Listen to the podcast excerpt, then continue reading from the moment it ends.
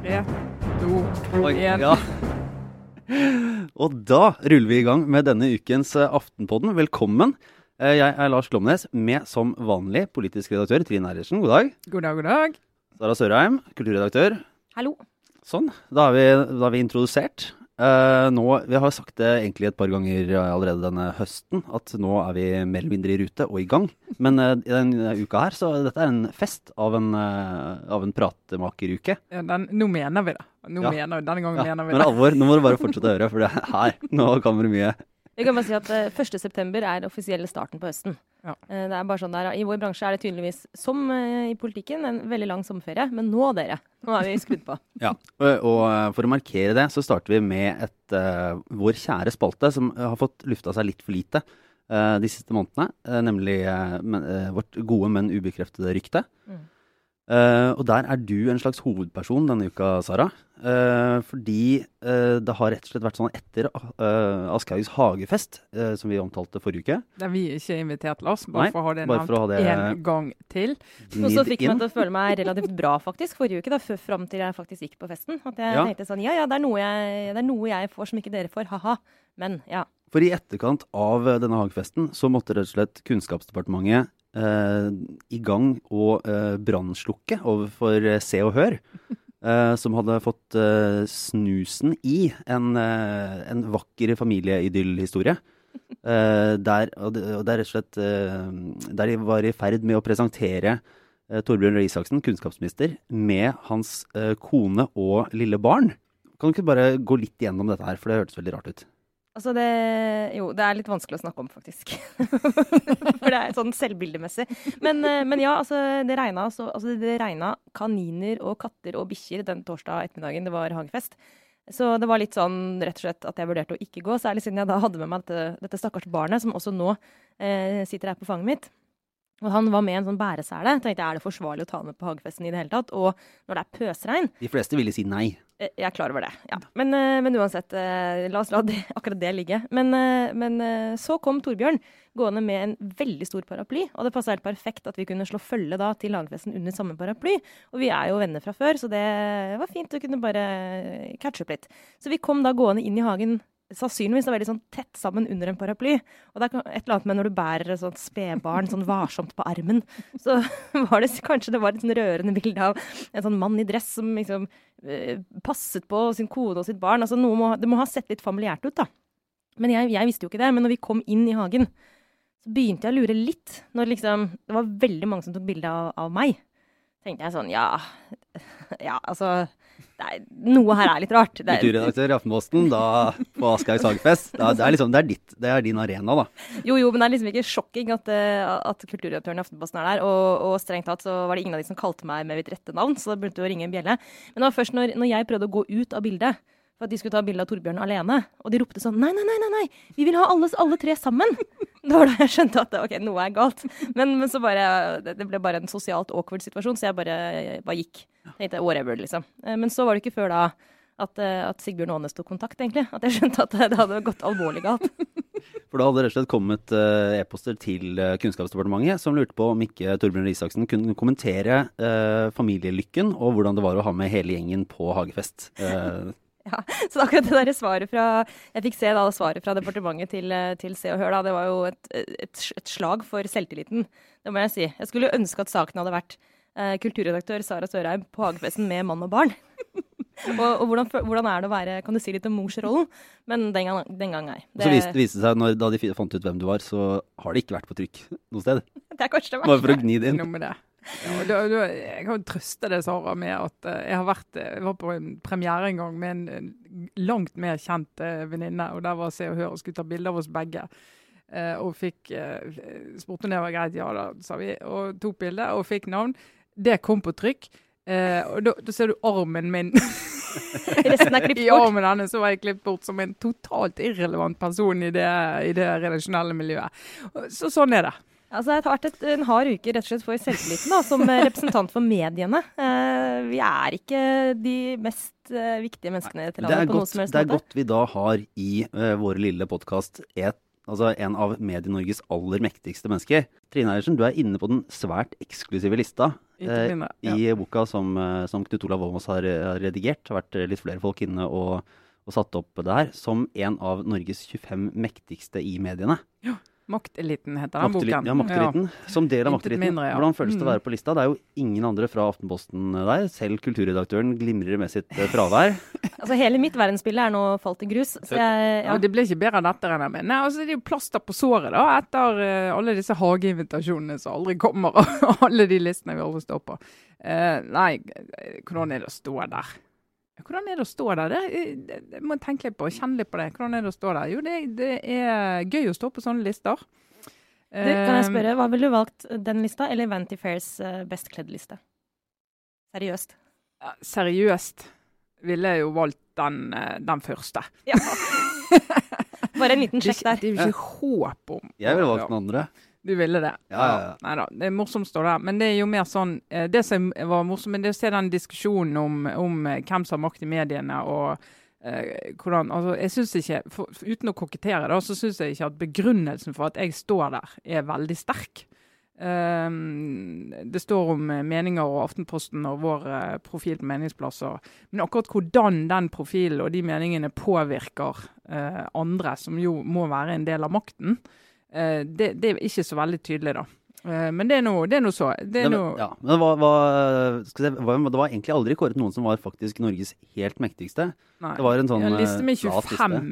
Ja. urangert som er de mektigste. Og det tror jeg er liksom navn som folk kan altså Det er ikke så veldig kontroversielt at akkurat de står på den listen, og statsministeren er der, og ja, diverse. Ja, og de bør jo stå på den listen. Altså, Ja, vi får jo håpe det, at eh, samfunnet ikke er helt dysfunksjonelt, liksom. Men, men det som er interessant i det prosjektet, da, som jeg tror eh, kanskje er litt av grunnen til at jeg er der, blant annet, det er at de har prøvd å se litt under disse organisasjonskartene og prøve å se på litt usynlig makt. Usynlig makt er jo ikke så veldig det er jo gøy å ha usynlig makt, da, men det er jo en bekreftelse på vårt selvbilde, Sara. Det er morsommere å ha synlig makt, si. Den usynlige makten blir synlig da gjennom sånne prosjekter som det her. Ja, og det er usynlig makt det er veldig interessant. og Da, da vil du alltid, ha noen som sitter i det miljøet og liksom ja, dere, dere skulle bare visst eh, hvem som har makt i dette miljøet. Jeg snakket med en i går som eh, sa det at eh, et av de miljøene som alltid blir undervurdert, det er jo innenriksavdelingen ved SMK. eh, som sitter og går, eh, jobber med alle disse eh, regjeringsnotatene og jobber ekstremt tett på statsministeren. Det er jo veldig få som jobber der. Jeg tror det er seks-syv stykker. Og de er jo helt i inngrep med hva Norges mektigste kvinne holder på med til enhver tid, eh, på sånn saksnivå. da. Eh, og, som, og kan ha en, en stor innflytelse i kraft av den rollen eh, å sitte så tett på, og viktigere enn mange rådgivere og eh, partifolk og andre som eh, prøver å påvirke. Og, og den type makt syns jeg er interessant å diskutere, og interessant å få frem. Veldig interessant å få frem. Og det er litt sånn, De tradisjonelle maktkåringene er jo veldig forutsigbare. Mm. Eh, Men jobben, hvis du skal finne den type makt, liksom, hvem er de tre viktigste som statsministeren hører på? Hvem er de tre viktigste som Kristin Skogen Lund eh, lytter til? Eh, Det er jo en, helt, det er jo en veldig veldig krevende jobb. Det er egentlig vår jobb, det. det er egentlig vår jobb, det. Så vi får, vi får men, gå i gang. men man, har jo, man har jo litt sånn Man kan sammenligne litt dette her også med livet i en avisredaksjon. fordi en av grunnene til at du er på lista ifølge begrunnelsen, Trine, er jo at eh, du har tatt Aftenposten i en tydeligere retning på lederplass. At vi mener mer som avis nå enn enn tidligere. Noe som jeg syns er, er veldig bra. Det er kult at vi får eh, oppmerksomhet for det. Jeg tror det er viktig at avisene inntar en aktiv rolle i den offentlige debatten. Men det er klart, hvis man egentlig går til kjernen av hvordan Hvis vi, som, hvis vi har makt i det hele tatt i Aftenposten, hvem utøver den aller mest? Er det da eh, argumentasjoner på lederplass?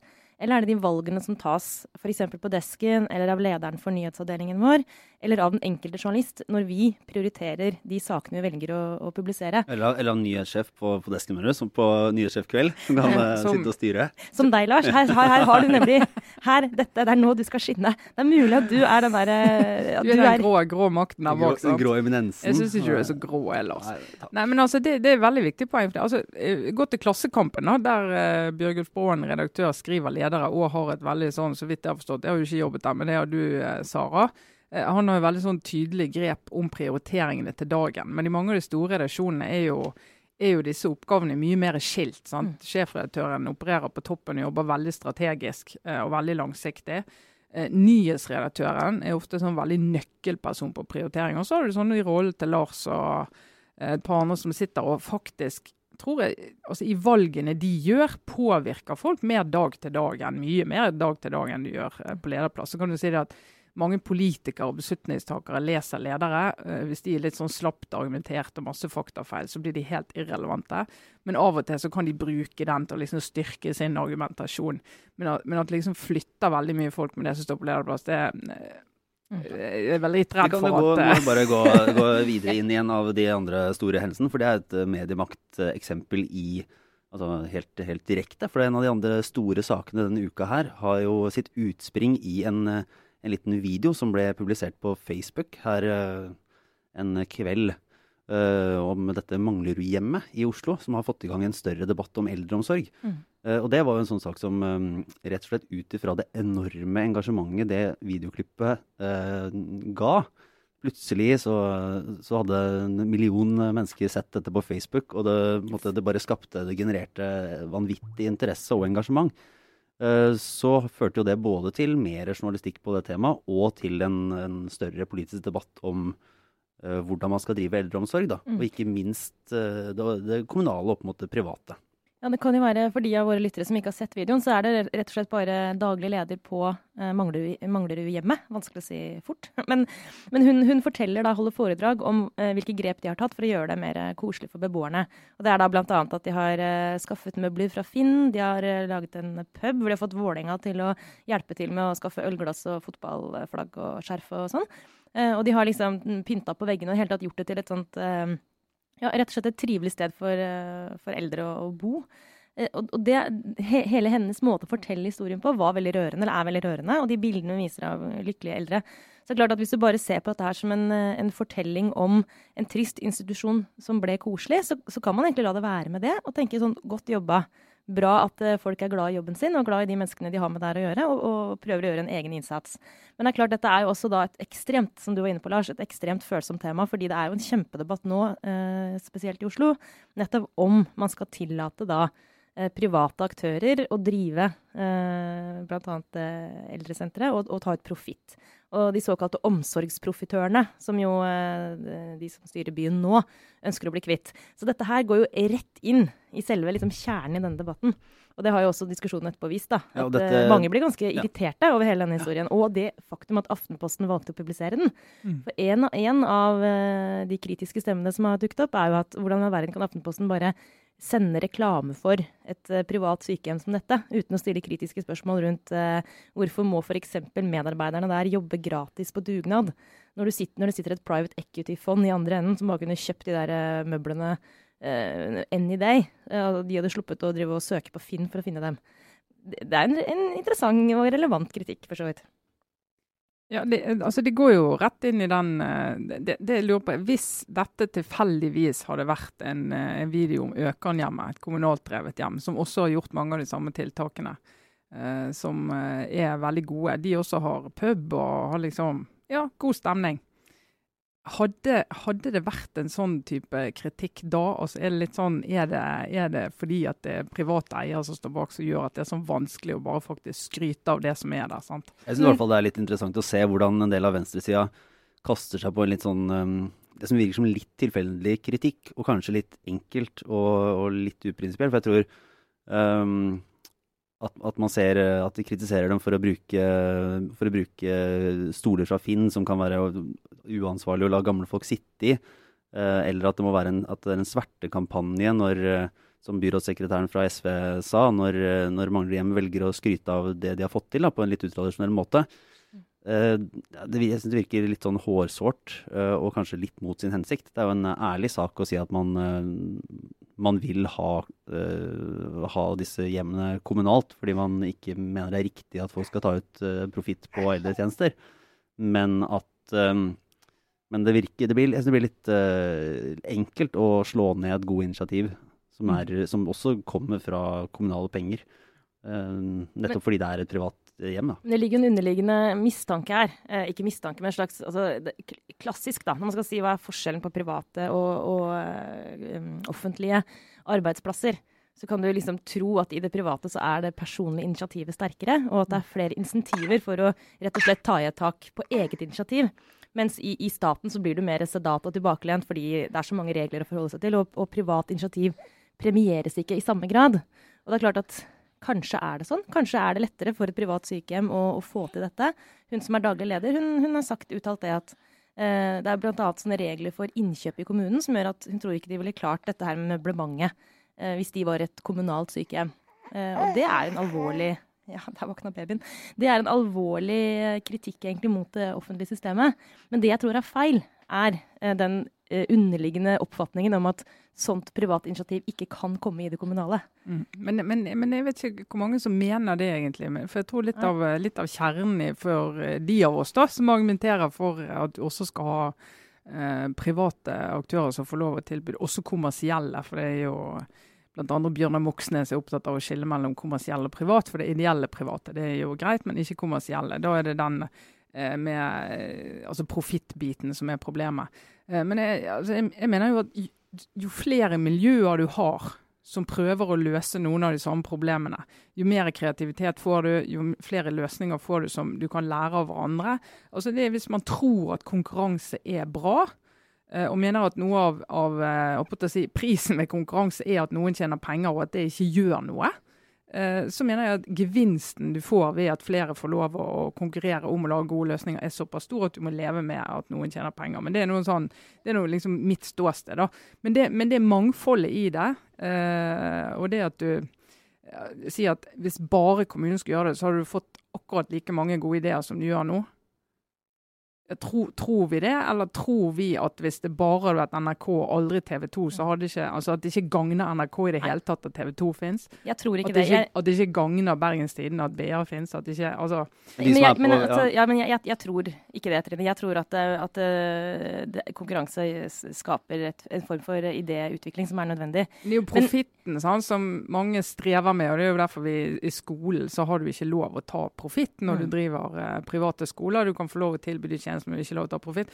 Og så eh, vil jo jeg mene at det at du tar profitt, viser jo også at du gjør en del ting mer effektivt enn de som ikke, ikke gjør det. Fordi jo. at du kan gjemme en del kostnader inn i Så vil jo venstresida, en del av dem, si at eh, de som måte, betaler den prisen, er de ansatte, da, som, som beviselig jevnt over har litt dårligere vilkår i privat eldreomsorg i, i, Oslo enn det de har i den offentlige. Ja, og så er det jo interessant å se at sykefraværet er lavere i de private sykehjemmene enn i de kommunale. Langt lavere, faktisk.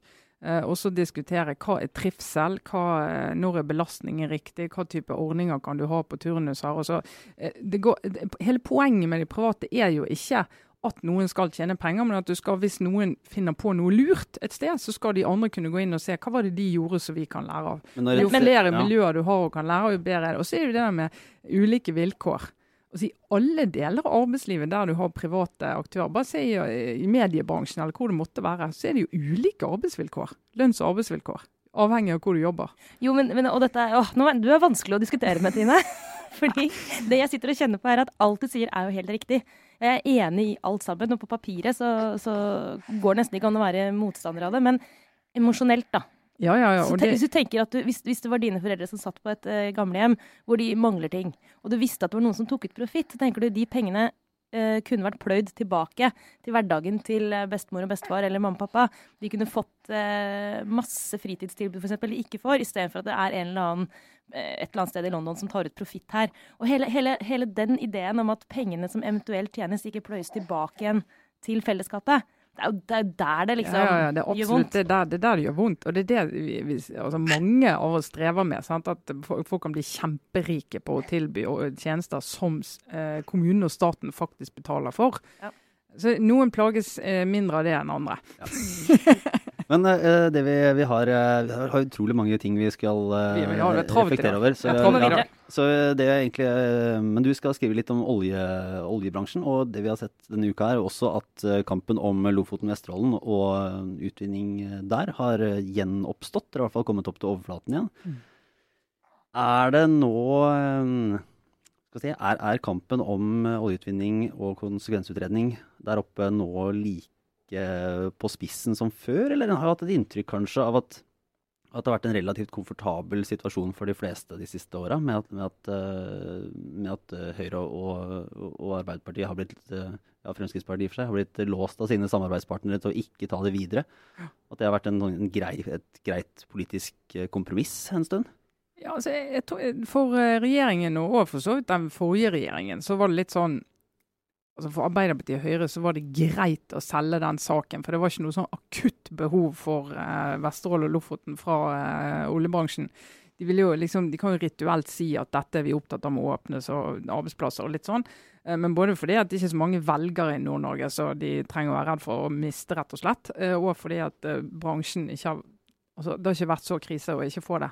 Så har det vært en sak som de har kunnet selge med, ikke med letthet, men det er i hvert fall hvis det er det som skal til for at vi får lov å styre landet, så gjør vi jo det. Og det tror ikke det har vært så veldig vanskelig. Men nå så har jo oljebransjen er jo i eh, Prisen har falt, investeringene har falt, eh, oljeprisen har falt, og de er mye mer opptatt av eh, nye muligheter. Og de har greid å kutte kostnader noe grassat siste året. De er i Stavanger denne uken her, på ONS, eh, en av de største oljemessene i verden, og har en litt sånn slags gruppeterapi. Hele bransjen, alle de store er der.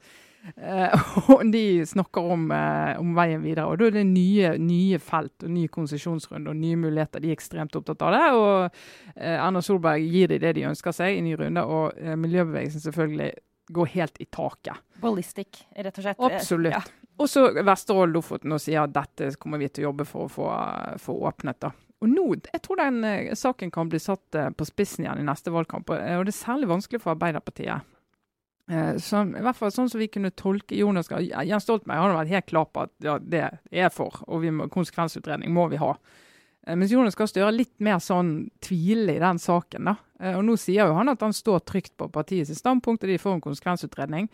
Eh, og så er det ikke så mange som har plaget ham med det, for det har ikke vært så veldig aktuelt. Men nå kan det bli det, både fordi at det plutselig er blitt lønnsomt igjen å vurdere den type felt, fordi at de har fått ned kostnadene, og selv om oljeprisen er lav, så er det faktisk interessant å gå inn der. Og fordi at de sier at vi er nødt til å ha noen nye områder hvis vi skal tenke langsiktig for, for uh, olje- og gassnæringen. Det skal bli en skikkelig lei og vond sak for Støre, det der. Ja, jeg tror det kan bli en, en vanskelig sak utover våren. For det er klart for en leder i Arbeiderpartiet å gå og si at vi vil ikke, vi vil ikke åpne opp for uh, leting i Lofoten og Vesterålen. Men er, det, men er det så vanskelig? For de kan jo i og for seg stå på at, at man vil det, og så kan man gå sånn som man har gjort i de to foregående uh, regjeringene. Da. Så går man inn i forhandlinger, og så kommer man og blir ut og blir er enige om at man skal avvente. Og så har, eh, så har den lille parten i samarbeidet fått en, fått en seier, da. Men spørsmålet er jo om man nå kan, om det, om det går an å gjøre. Eh, Om, vi, er- om, eh, om man kan avvente. Ja, Eh, for altså, det er jo en sak som er blitt langt mer polarisert. Altså, han har alltid vært polarisert, men han er veldig mer polarisert nå. Altså, etter eh, Paris-toppmøtet og klimaavtale som eh, Norge har eh, altså, sammen med EU, de klimamålene vi har sagt at vi skal nå,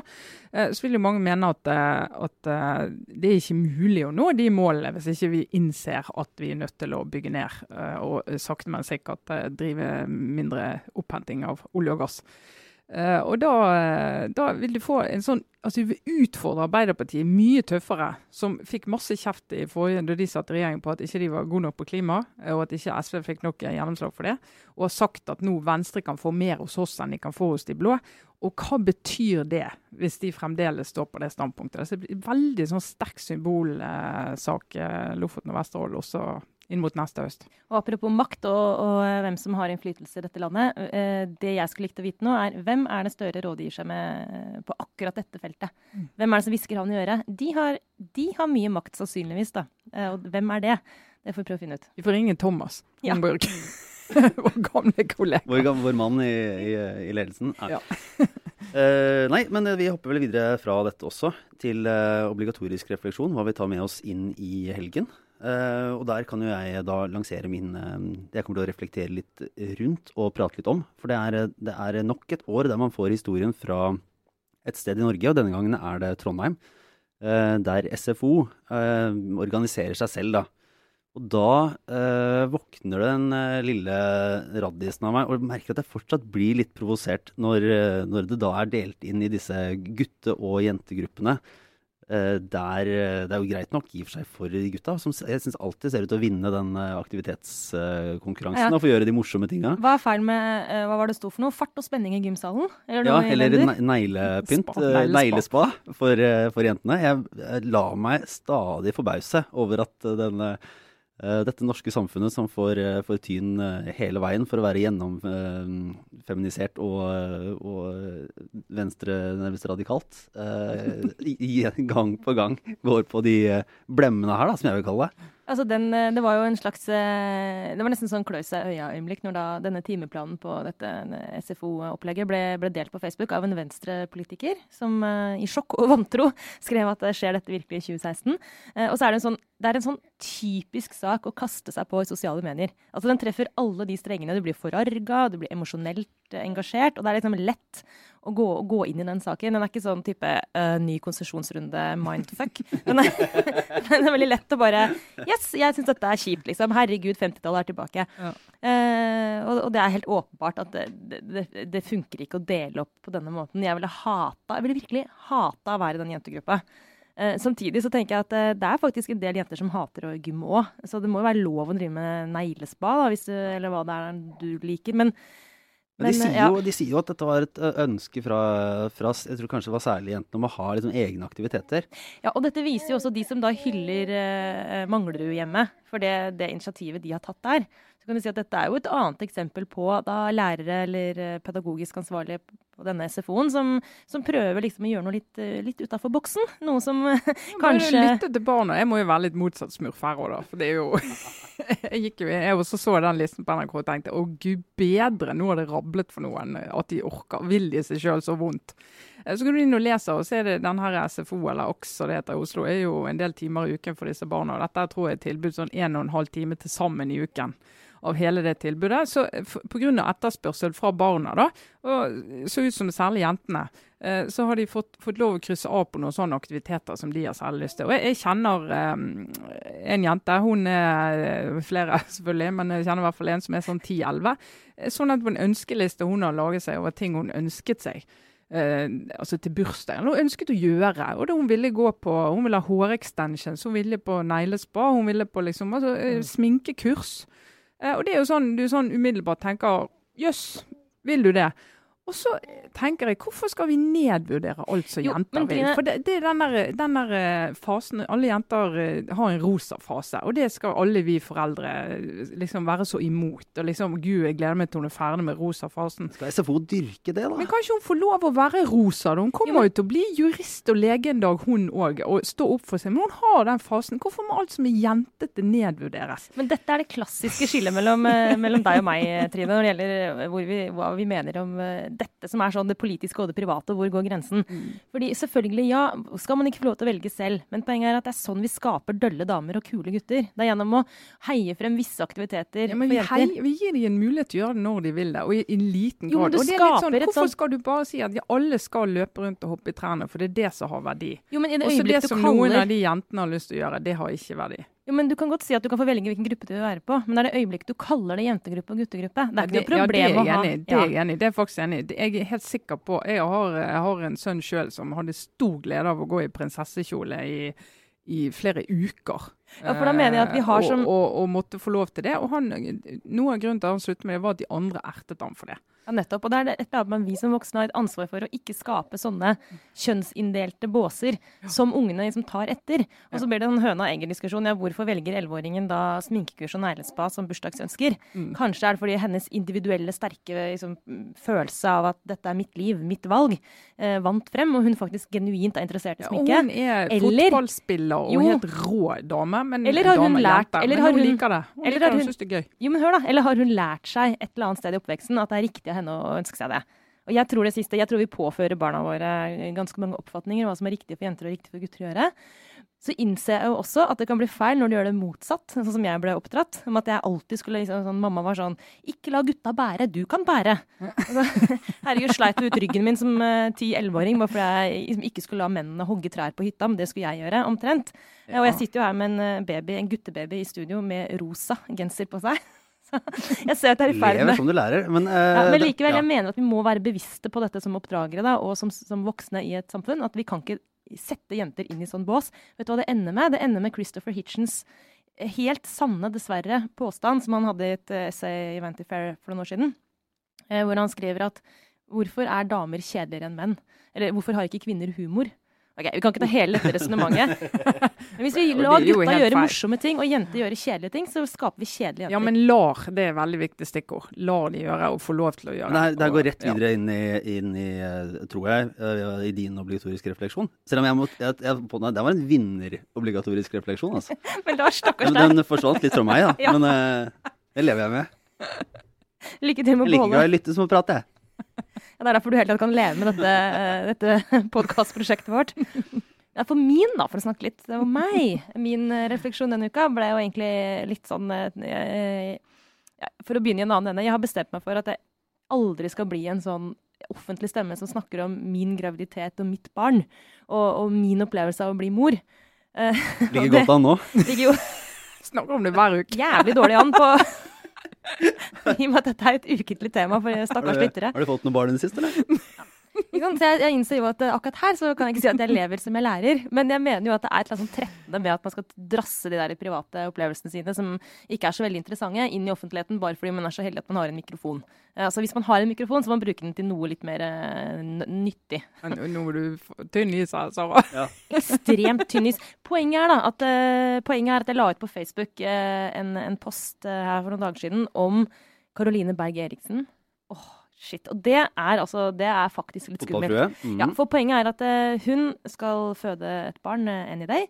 Og hun blogger om sin graviditet, og hun har veldig mange tusen lesere. Og hun uh, skrev nå denne uken et innlegg om at hun nå sier kroppen stopp. Eh, fem dager før termin så orket hun ikke lenger å løpe intervaller på, på tredemølla, og la ut et detaljert innlegg om sin egen vekt og om treningsregimet i svangerskapet. Og at hun var aldri så lite stolt over å ha klart å stå løpet ut.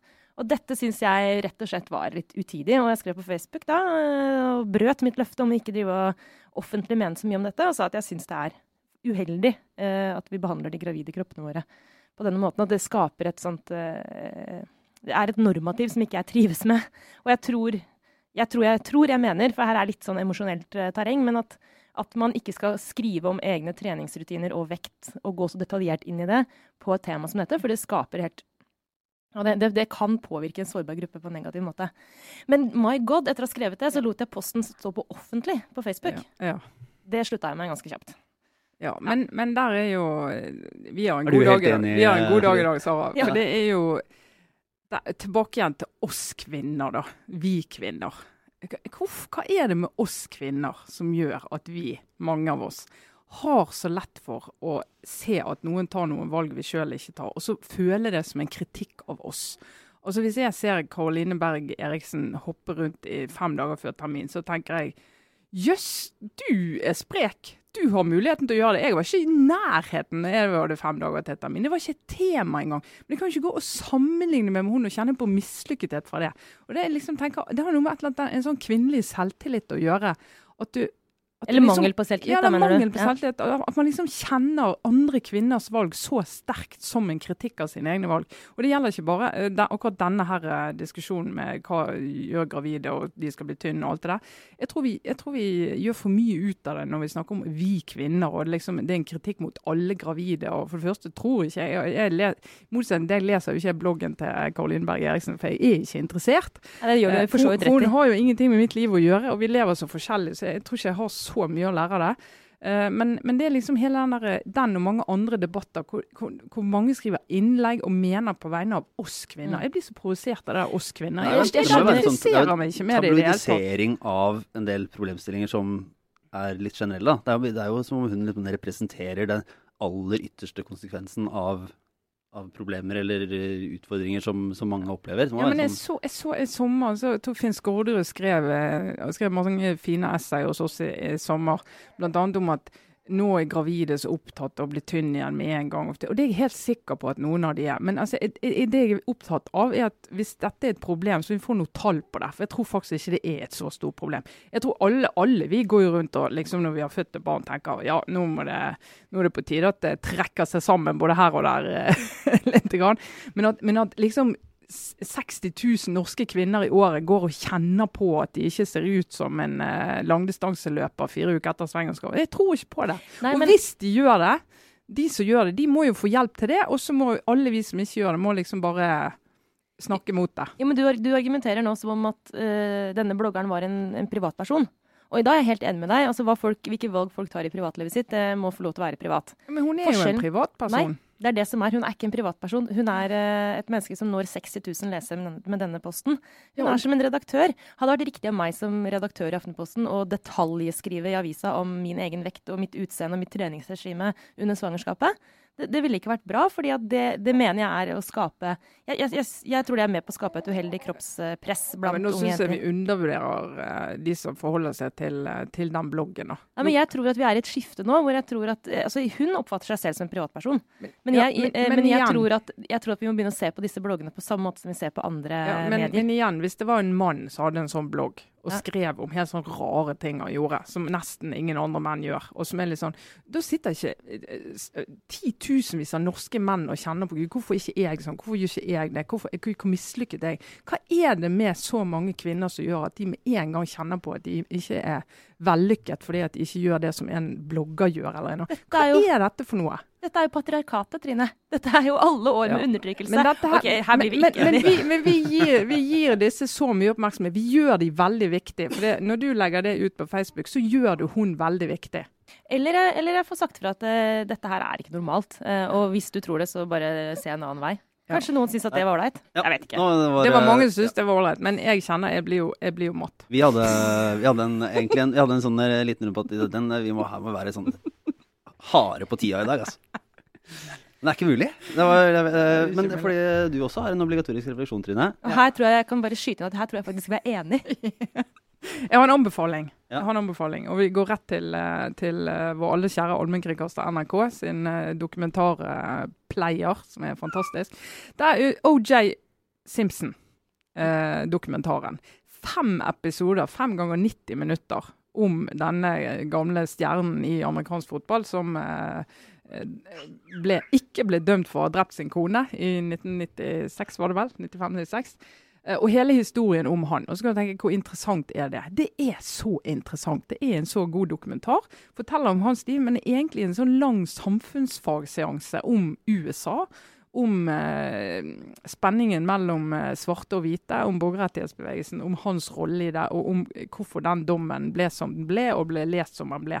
Og i det hele tatt, En stor mer amerikansk tragedie er det. En fantastisk måte å, å å si, ja, som du sier, drive samfunnsfagsopplæring på. For de bruker jo da den saken til egentlig, egentlig å beskrive utviklingen i liksom, rasekonflikter i USA, som, som jo preger det samfunnet i så mye større grad enn det jeg tror vi i det hele tatt kan være i stand til å kjenne oss igjen i. Og, og for meg, jeg har aldri sett på den OJ-saken i det lyset. Og jeg er helt fjetra av, av hvordan de klarer å sømløst da fortelle historien om han og, og dette tragiske drapet, parallelt med eh, opptøyene i LA, Rodney King-saken f.eks. Mm. Um, hele, dette, hele denne følelsen av at OJ Simpson ville, Det eneste han ville, var å slippe å være svart, men det var det han ikke kunne. Og så, ja.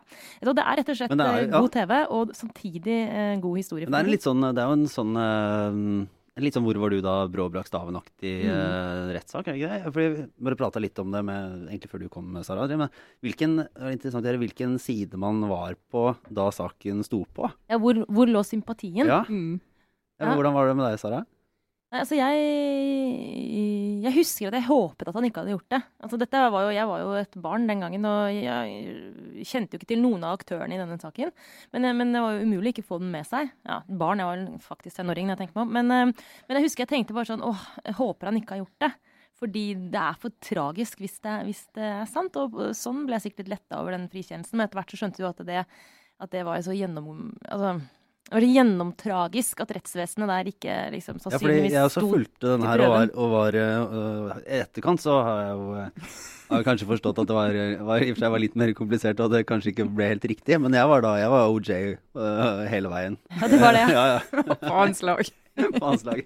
Ja. Det føler jeg er like sånn krise som at nei, jeg stemte nei til det, jeg. Jeg var jo, det var Johnny Cochran og hele den. Jeg bare tenkte at nei, nei, dette, Ja, det kan dette her, nei, nei, det kan ikke stemme. Han kan ikke ha gjort det. Han var jo i Ace Ventura og øh, Ja, ja, ja. diverse annet. Ja, nei, det var, det var et drama. Men jeg, jeg husker, nå husker jeg vagt bare, men jeg husker når de der eh, i rettssaken kom frem, alle de an, gangene hun hadde ringt til politiet fordi hun ble banket av han, det gjorde inntrykk på meg. Da tenkte jeg ja, han har gjort det. Synd, men sant. Jeg tror ikke jeg fulgte det så nøye. Men han er jo aldri blitt dømt for det, da. Men ja. han sitter jo i fengsel i dag. For ran og kidnapping og the work. Så det blir spennende. Altså, den, den dokumentaren må bare alle se. Jeg har ikke fått begynt ennå, fordi jeg fortsetter, fortsetter med Game of Thrones-maratonet som en sånn late bloomer i det gamet der. Men jeg, skal, jeg får skjerpe meg, da. Rett og slett. Jeg er bare fornøyd med at jeg i hvert fall har fått deg med på laget når det gjelder Game of Thrones, Lars. At Ja. du har skjønt at dette må han bare se. Så får vi Trine er et større lerret å bleke, for å si Ja, det på sånn. mange måter. Her. Men vi fortsetter kampen også neste uke. Ja, vi, hvis jeg skulle gjøre det, kommer jeg ikke til å si det. Men eh, da får vi runde av, eh, rett og slett. Eh, takk for i dag. Trine Hellersen, Sara Sørheim, jeg Lars Domnes og lille Aksel. Verdens blideste podkastgutt. Han er så glad for han har på seg rosa genser, vet du. Ha det bra. Thank you.